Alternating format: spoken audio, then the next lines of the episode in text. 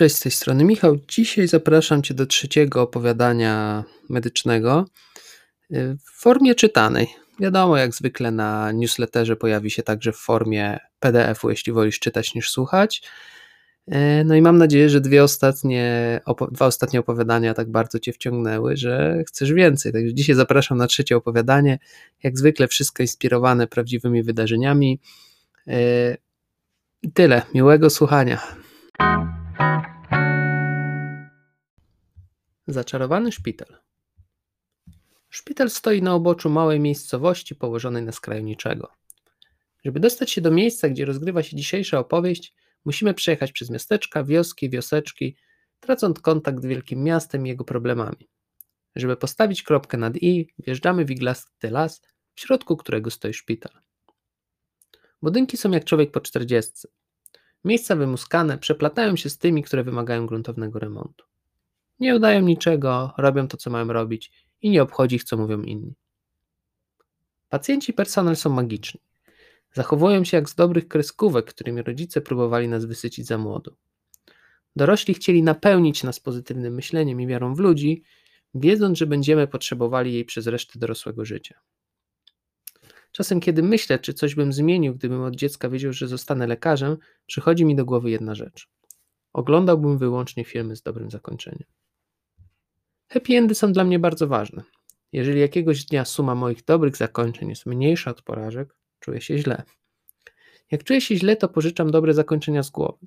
Tylko żeby pożyczać, to muszą one gdzieś być.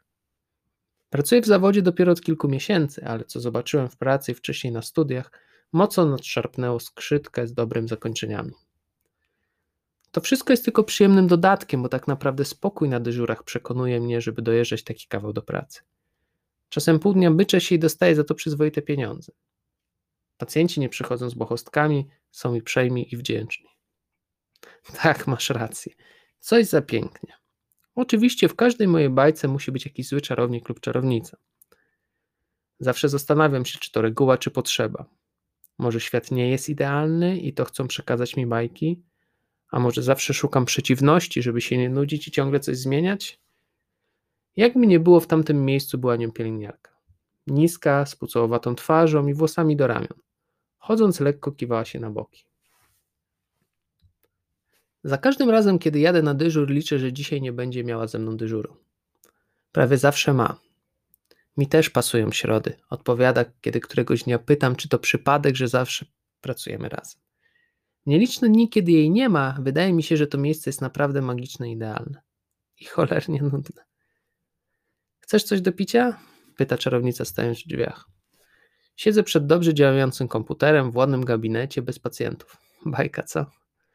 Dziękuję, mam wodę. Odpowiadam i podnoszę do góry butelkę mineralnej negazowanej. Robisz sobie krzywdę. Kiwa z głową z niesmakiem i wychodzi z gabinetu. Kiedy próbuję znaleźć przyczynę mojej winy, wraca sapiąc okropnie. Jak strongmeni na zawodach dźwigają wielkie pnie, tak ona dźwiga wielki szklany bukłak do pędzenia bimbru mniej więcej 10 litrów. Z sapnięciem stawia pękate naczynia na moim biurku. Przeciera spoconą twarz, odkręca metalowy kurek i nalewa mi do kubka. W twojej wodzie są miliardy kawałków plastiku. Trujesz się, mówi. To chyba nie takie proste, co? Zadaje pytanie. Właśnie, że tak. A poza tym twoja woda też ma pewnie go sporo. Wszystko teraz ma. Jedzenie, powietrze. I tu się mylisz. Uśmiecha swoją pucołowatą twarz czarownica. Kupiłam specjalny strukturyzator wody i nowoczesny filtr. Ta woda jest czysta jak łza. Piję szklankę z jej domowej produkcji. Woda smakuje normalnie. Nie jestem wszystko wiedzący, nie czytałem też wszystkiego na ten temat. Od kiedy pomyliłem się w kilku ważnych kwestiach medycznych, nie palę nikogo na stosie, dopóki nie zgłębię tematu i zrozumiem, co jest czarne lub białe.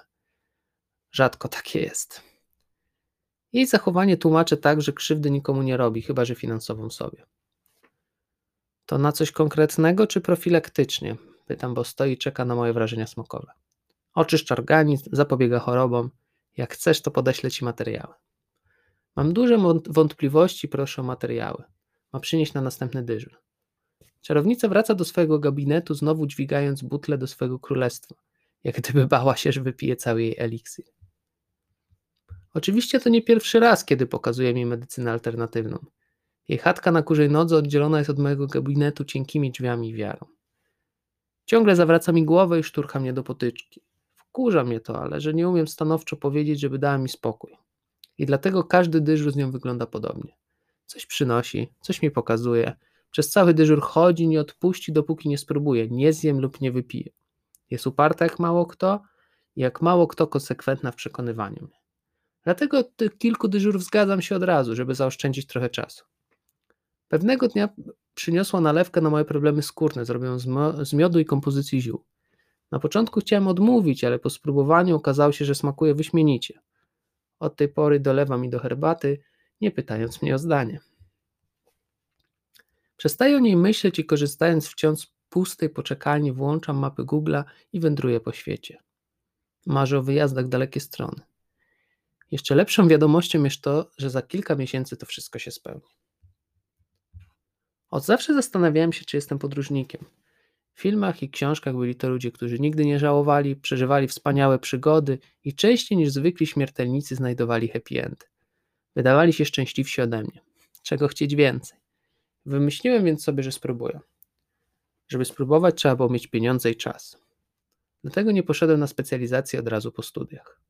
Większość moich kolegów poszła.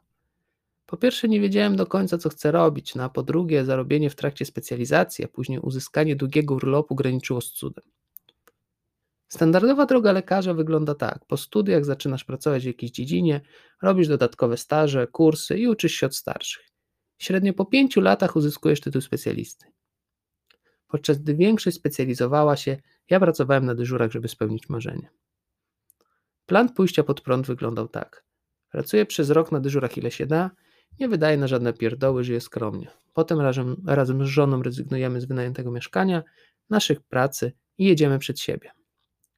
Wracamy wtedy, kiedy skończy się kasa albo skończy się chęć. A może już nigdy nie wrócimy? Do wyjazdu zostało około 8 miesięcy. Przez niedomknięte drzwi słyszę, że do czarownicy wchodzi pacjent. Mamy stały schemat. Ona rejestruje, zbiera wstępny wywiad, a potem chory zjawia się u mnie. Jak doktor będzie zlecał antybiotyk, to nie wykopałać recepty. Słyszę przez niedomknięte drzwi, które dzielą nasze gabinety i aż lekko otwieram usta. Wziąć 3 gramy witaminy C dwa razy dziennie i oczyszczanie wątroby dietą Dąbrowskiej. Kupić strukturyzator wody. Później mi pan podziękuje. Kończy pewnym siebie głosem. Pacjent wchodzi przez zaczarowane drzwi. Czuję, że mi nie ufa. Badam zapalenie płuc. Do szpitala się nie nadaje, ale bez antybiotyku szansa, że umrze jest duża. Jak nie umrze, to zmiany w jego płucach będą go męczyły do końca życia. Z tym zapaleniem płuc to śmieszna sprawa. Jeszcze 100 lat temu to był prawie wyrok śmierci. Potem pojawiły się antybiotyki i wszyscy wierzyli, że problem się rozwiąże. Nie rozwiązał się. Ludzie podzielili się na kilka frakcji. Jedna nie chce brać za nic na świecie, ryzykując poważnymi komplikacjami. Druga bierze na wszystko, sprawiając, że działają coraz gorzej. A wszyscy robią to dla swojego zdrowia. I proszę brać antybiotyk. Za dwa dni do kontroli, mówię głośno. To zapalenie płuc, poważna sprawa. Pani pielęgniarka jeszcze nie znała diagnozy, dlatego tak mówiła, prawda? Po drugiej stronie drzwi cisza. Prawda? Mówię głośniej i groźniej. Tak, doktorze, prawda, mówi wreszcie niechętnie pielęgniarka. Mężczyzna wychodzi z receptą. Wydaje mi się, że wykupi. Siedzę i myślę, co mam z tym zrobić. Gdzie to zgłosić i czy zgłosić. To pewnie nie pierwszy raz, jak tak mówi. Tylko tym razem udało mi się to usłyszeć. Jedna sprawa to pić wodę tylko ze szklanej butli, druga narażać pacjenta na utratę zdrowia i życia. Jeżeli zgłoszę, pielęgniarka może stracić pracę i prawo wykonywania zawodu. Moje myśli przerywa czarownica, wchodząc do mojego gabinetu. Rozwali mu to wszystkie bakterie w jelitach. On jest zatruty, potrzebuje oczyszczenia, mówi z wyrzutem. Przecież on ma zapalenie płuc. To na pewno zatrucie. Skąd wiesz? Pytam nagle, tracąc cierpliwość. Ostatnio mówił o tym Władysław Cieplak. O czym mówił i kto to kurwa jest Władysław Cieplak? Dokładnie o takich objawach. To mądry człowiek. Czyli wszyscy z takimi samymi objawami w każdym wieku i okolicznościach mają to samo. No jasne. I dla każdego jest jedno leczenie, które jest bezpieczne i w 100% skuteczne. Tak, natura jest dla nas dobra, mówi. I nie trzeba badać pacjentów. Teraz już prawie krzyczę. Organizm zawsze daje nam znać, co jest z nim nie tak, uśmiecha się z pewnością fanatyka. Każdy jest lekarzem dla siebie. To straszne. Straszne jest to, że ignorujesz wiedzę. Natura sama nas ze wszystkiego wyleczy. Nie wolno jej tylko przeszkadzać, na przykład antybiotykami. Ty po tylu latach pracy chcesz powiedzieć, że natura jest dobra? Czarownica kręci głową jak średniowieczny misjonarz, widząc wierzenia rdzennego ludu. Przez chwilę milczymy. Czuję, że chce dalej wtłaczać mi swoją wiarę. Jest głęboko wierząca. Ja już wiem, że muszę ją zgłosić do izby pielęgniarskiej. Dla dobra pacjentów. Noc mi jak w zaczarowanym lesie, spokojnie i bezpiecznie. Zwijam śpiwór i ruszam do domu. Czarownica stoi przed wejściem. Widzę ją kątem oka i chcę odejść bez pożegnania. Jestem na nią wściekły. Nagle staje jak wryty. Ona pali papierosa? To pani pali? To lepsze niż antybiotyk? Pytam złośliwie i zatrzymuję się, żeby pocieszyć jej zakłopotaniem.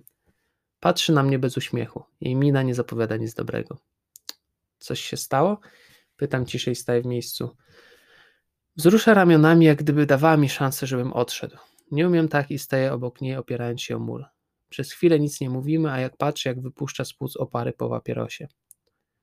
Mój były mąż znowu nie zapłacił alimentów, mówi wreszcie. Nie mam już siły na tego skurwiela. Przykro mi.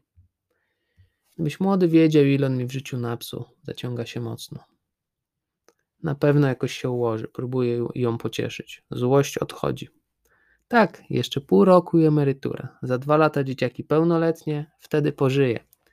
Mówi i uśmiecha się do mnie szczerze, jak człowiek do człowieka. Zaczarowany las znika. Widzę rozjechane błoto samochodów i długą drogę do domu. Czarownica nie jest zła. Trudy życia, rozczarowania i gniew mogły znaleźć różne ujścia. Mogła stać się zgorzkniała, krzycząc na każdego pacjenta, który znajdzie się w zasięgu jej rażenia. Ona wybrała wiarę w naturę i dziwne medyczne terapie z charyzmatycznym człowiekiem na czele. Dla niej stało się to religią, Bogiem i ucieczką przed problemami. Miała coś pewnego, co nigdy jej nie zawiedzie. Cieszę się, że wracam do domu.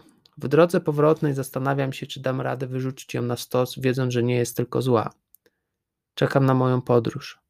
Liczę, że tam znajdę mniej odcieni szarego, prawdziwy, zaczarowany las i happy end.